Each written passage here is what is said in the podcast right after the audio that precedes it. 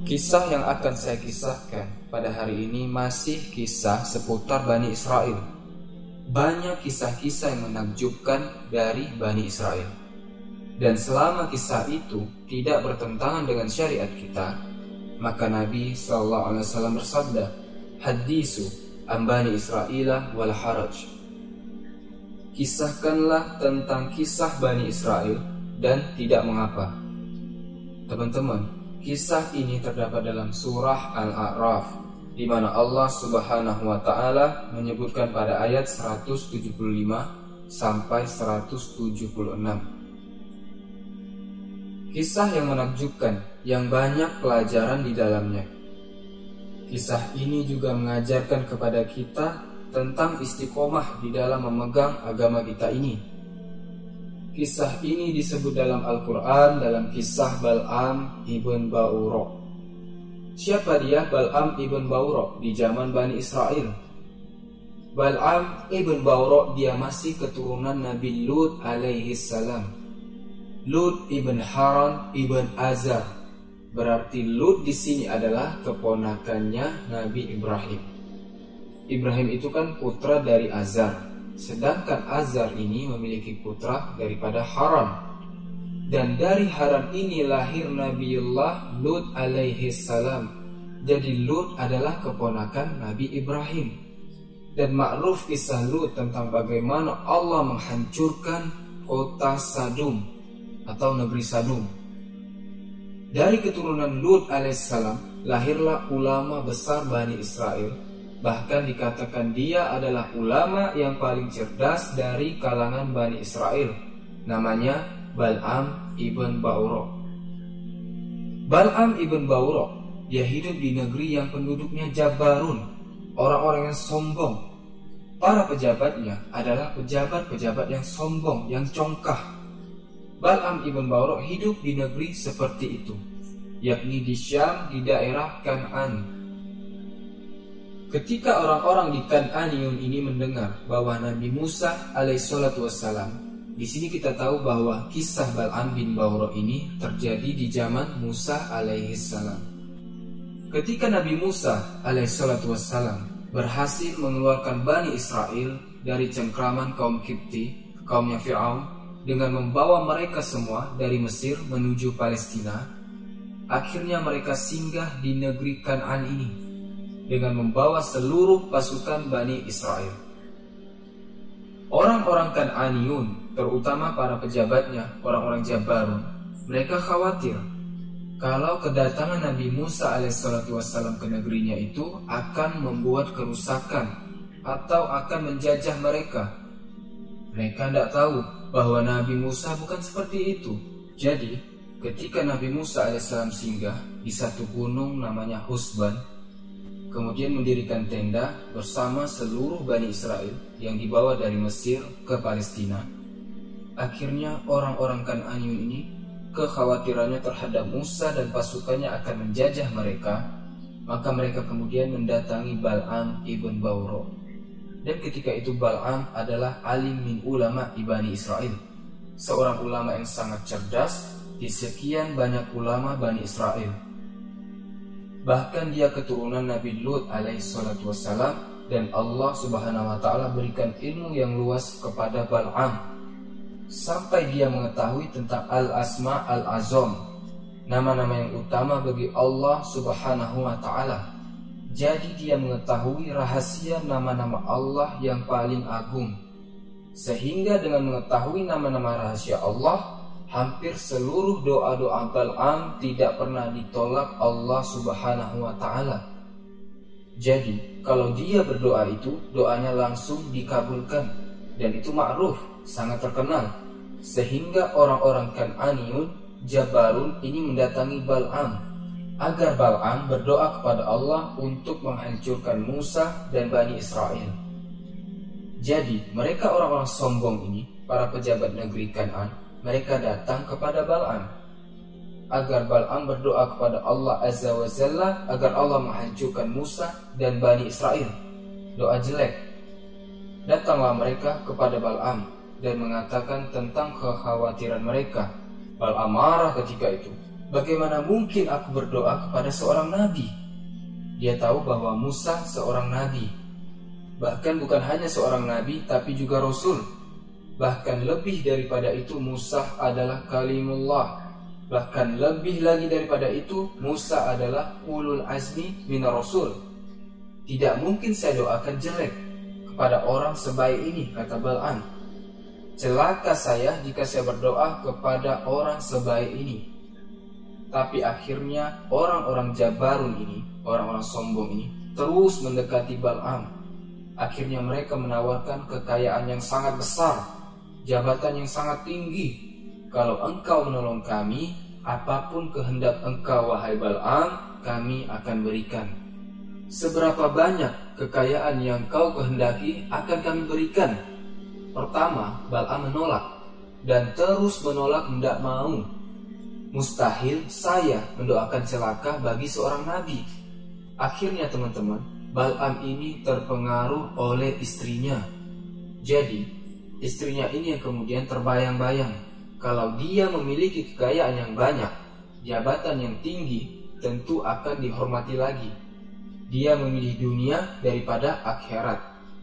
Akhirnya Bal'am pun terpengaruh dengan dunia sehingga menanggalkan keulamaannya na'udzubillah Akhirnya sahabat Channel yang dimuliakan Allah Azza wa Jalla Bal'am pun membawa pasukan ke Gunung Husban di mana gunung ini terbentang panjang sampai kepada kemahnya Musa dan Bani Israel. Mulailah Bal'am berdoa kepada Allah Subhanahu wa taala. Tidak mungkin seorang nabi akan didoakan kecelakaan dan langsung celaka. Itu tidak mungkin. Nabi memiliki para malaikat yang menjaganya sehingga niat Bal'am ini adalah niat yang buruk, Allah tidak mengijabah doanya. Setiap kali dia berdoa kepada Allah tentang kecelakaan kepada Musa dan Bani Israel, kecelakaan itu justru menimpa kaumnya Kan'an. Setiap dia berdoa kebaikan untuk umatnya Kan'an, kebaikan itu justru kepada Musa dan Bani Israel. Lidahnya kepleset-pleset. Jadi, setiap dia berdoa kepada Allah Subhanahu wa taala, Ya Allah hancurkan Mestinya dia ngomong Musa Kepleset jadi Ya Allah hancurkan Kan'an Dia susah ngomong Musa dan Bani Israel itu Kepleset-pleset lidahnya Sehingga para pemimpin Kan'aniun ini mengatakan Celaka engkau wahai Bal'am Mestinya engkau berdoa kecelakaan kepada Musa Kenapa engkau berdoa kecelakaan untuk kami? Mestinya engkau berdoa keselamatan untuk kami Tapi malah engkau berikan kepada Musa dan Bani Israel apa-apaan engkau Bal'am? Allah Subhanahu wa taala tidak mengizinkan doanya. Terus kepleset terus ngomongnya. Akhirnya teman-teman, Bal'am ini rugi. Sudah dunia rugi, akhirat rugi. Dia mendoakan kecelakaan kepada Musa alaihissalatu wassalam. Akhirnya Bal'am pun karena tidak manjur doanya, tidak diijabah oleh Allah Subhanahu wa taala karena dia sudah mendapat kekayaan yang banyak kan gitu akhirnya dia membuat makar terhadap Bani Israel pengikut Musa alaihi salatu wassalam dengan cara apa? inilah hancurnya Bani Israel salah satu fitnah terbesar Bani Israel inilah fitnahnya maka Bal'am mengatakan bahwa cara ini tidak bagus kita buat cara lain apa caranya Bal'am? Maka Bal'am mengatakan utuslah wanita-wanita kalian Gadis-gadis kalian dan dani mereka dengan dandanan yang cantik Kirim mereka dengan barang-barang dagangan Kemudian berpura-puralah untuk berjual beli Jualah dagangan itu kepada Bani Israel dan kaumnya Musa Ketika dia tidak bisa menggoda dengan cara yang lain Pasti ujung-ujungnya dengan cara perempuan Akhirnya perempuan-perempuan Kan'aniun ini diutus oleh Bal'am bin Bauro untuk menggoda Bani Israel. Ketika melihat gadis-gadis cantik, tentu akan berbeda kondisinya. Maka akhirnya wanita-wanita ini pun berpura-pura jual beli dan sambil menggoda umatnya Musa alaihissalatu wassalam.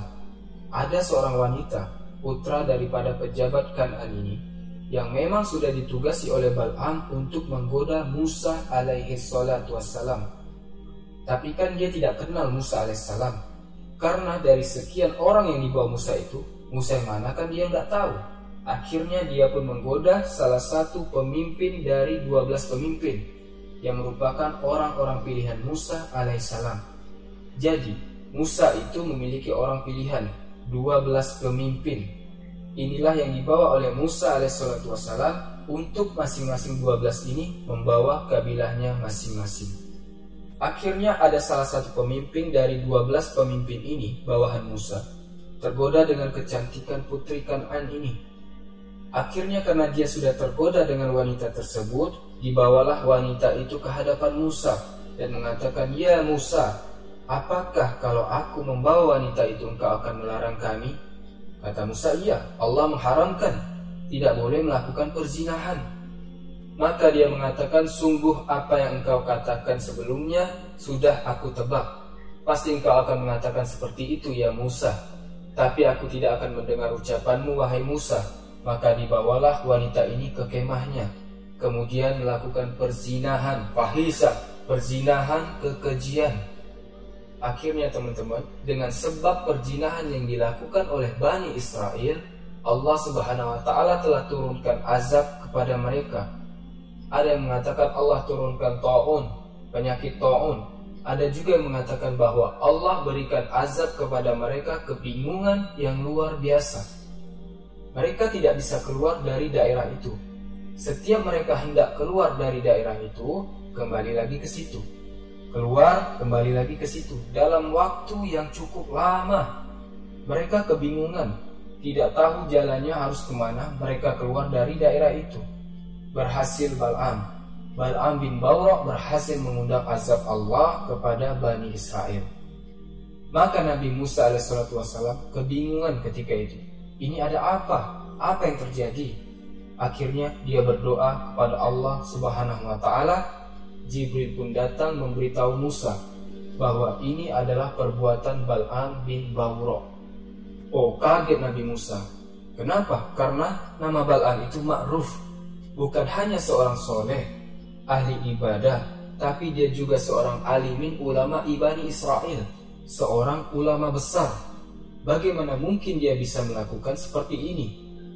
maka Allah Subhanahu wa taala kemudian mengabulkan permintaan Musa agar Allah mencabut seluruh pengetahuan Bal'am tentang rahasia nama-nama Allah yang azam, yang agung. Maka dicabutlah ilmu itu dari Bal'am. Maka Bal'am sekali lagi mengatakan, tu dunia wal akhirah. Sungguh aku rugi dunia dan akhirat. Sudah membuat Musa terkena azab Allah Subhanahu wa taala tapi Bal'am terus mengikuti hawa nafsunya, bukan bertaubat. Akhirnya teman-teman, ada salah seorang pemimpin yang lain dari pemimpin 12 kabilah ini marah karena tahu sebabnya lalu dia mengambil tombak kemudian datang ke kemah salah satu pemimpin yang sedang berzina. Ketika sedang berzina, nauzubillah maka tombak itu ditusukkan seperti sate. Ditusukkan kepada punggung wanita itu dan tembus kepada laki-lakinya. Akhirnya tombak itu diangkat di bawah, sementara tertusuk dalam tombak itu laki-laki dan wanita yang sedang berzina. Keluarlah ia dari tenda, kemudian diarahkan tombak ini ke langit dan mengatakan, Hakaza naf'alu biman asal. Inilah yang kami harus lakukan kepada orang-orang yang telah bermaksiat kepadamu ya Rob. Akhirnya Allah Subhanahu wa taala dengan kejadian itu menghilangkan azabnya membuka tabir rahasia kebingungan, mengangkat penyakit taun dan mereka terbebas dari azab Allah Subhanahu wa taala. Di sinilah Allah Subhanahu wa taala telah menceritakan dalam surah Al-A'raf ayat ke-175 sampai 176.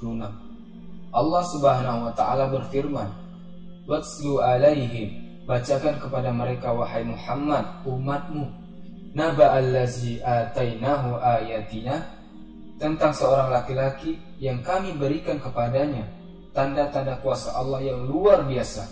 Dialah Bal'am bin Bawra fansalakha minha. Tiba-tiba orang ini maksudnya Bal'am bin Bawra menanggalkan pakaian keulamaannya menanggalkan pakaian kesolehannya menanggalkan pakaian ahli ibadahnya fansalakha minha menjadi orang yang paling buruk. Fa'at ahus syaiton, setan ikut dia. Kemudian fakana minal hawi, jadilah Bal'am menjadi orang yang paling sesat ma'uzubillah la rafa'nahu biha kami akan angkat derajat Bal'am ini. Dia sudah jadi ulama. Kalau Allah mau Allah angkat derajatnya. Tetapi walakinnahu akhlada ilal ard. Tapi Bal'am ini lebih cenderung kepada dunia daripada akhirat akhirnya wattaba'a hawa dia pun mengikuti hawa nafsu perhatikan bagaimana Allah Subhanahu wa taala mempermisalkan Bal'am dalam Al-Qur'an dengan permisalan yang sangat buruk sekali. Apa permisalannya? Allah lanjutkan firman-Nya, "Famasaluhu kamasalil qalbi." Permisalan Bal'am persis seperti anjing. Lihat bagaimana Allah Subhanahu wa taala permisalkan Bal'am seperti anjing. Kemudian teman-teman, dia kan suka menjulurkan lidah tuh engkau halau dia tetap menjulurkan lidah, engkau biarkan pun tetap menjulurkan lidahnya. Artinya apa? A'angzartahum am lam tungzirhum la yu'minun. Engkau berikan peringatan kepada mereka ataupun tidak, tetap mereka tidak beriman. Sudah peka. Maka Allah katakan, Zalika masalul qaumil lazina kazzabu bi ayatina Begitulah Allah berikan permisalan kepada hamba-hamba yang mendustakan ayat-ayat kami. Faksusil khasos Allah tutup. Maka ceritakan kisah-kisah ini supaya apa? La'allahum yatafakkarun agar mereka mau berfikir. Karena kisah-kisah Al-Quran itu jundun min junudillah. Tentara-tentara Allah yang Allah kirim kepada kita umat manusia untuk membawa pesan-pesan supaya setiap kejadian kita ini teman-teman mengaca kepada umat sebelum kita. Makanya Allah katakan bahwa kisah-kisah ini diceritakan kepada Rasul agar kami menghibur hatimu wahai Muhammad. Mungkin ketika engkau berdakwah kepada umatmu tentang dakwah yang baik, kemudian umatmu menentang, maka begitulah Rasul-Rasul sebelum mereka ditentang. Atau ketika lamanya berdakwah, tidak juga umatnya mengijabah dakwah Rasul. Begitu juga dia bisa mengaca bagaimana Nuh alaihissalatu wassalam berdakwah selama 950 tahun. Hanya mendapatkan 80 lebih pengikut saja. Ketika melihat bagaimana kecongkakan orang-orang sombong dan akibatnya lihatlah Korun, lihatlah Fir'aun, lihatlah Namrud, lihatlah bagaimana akibat orang-orang yang mendustakan terhadap ayat-ayat Allah. Maka selesailah kisah Bal'am bin Bawrok Subhanakallahumma wa bihamdika asyhadu an la ilaha illa anta astaghfiruka wa atubu ilaih wallahu taala alam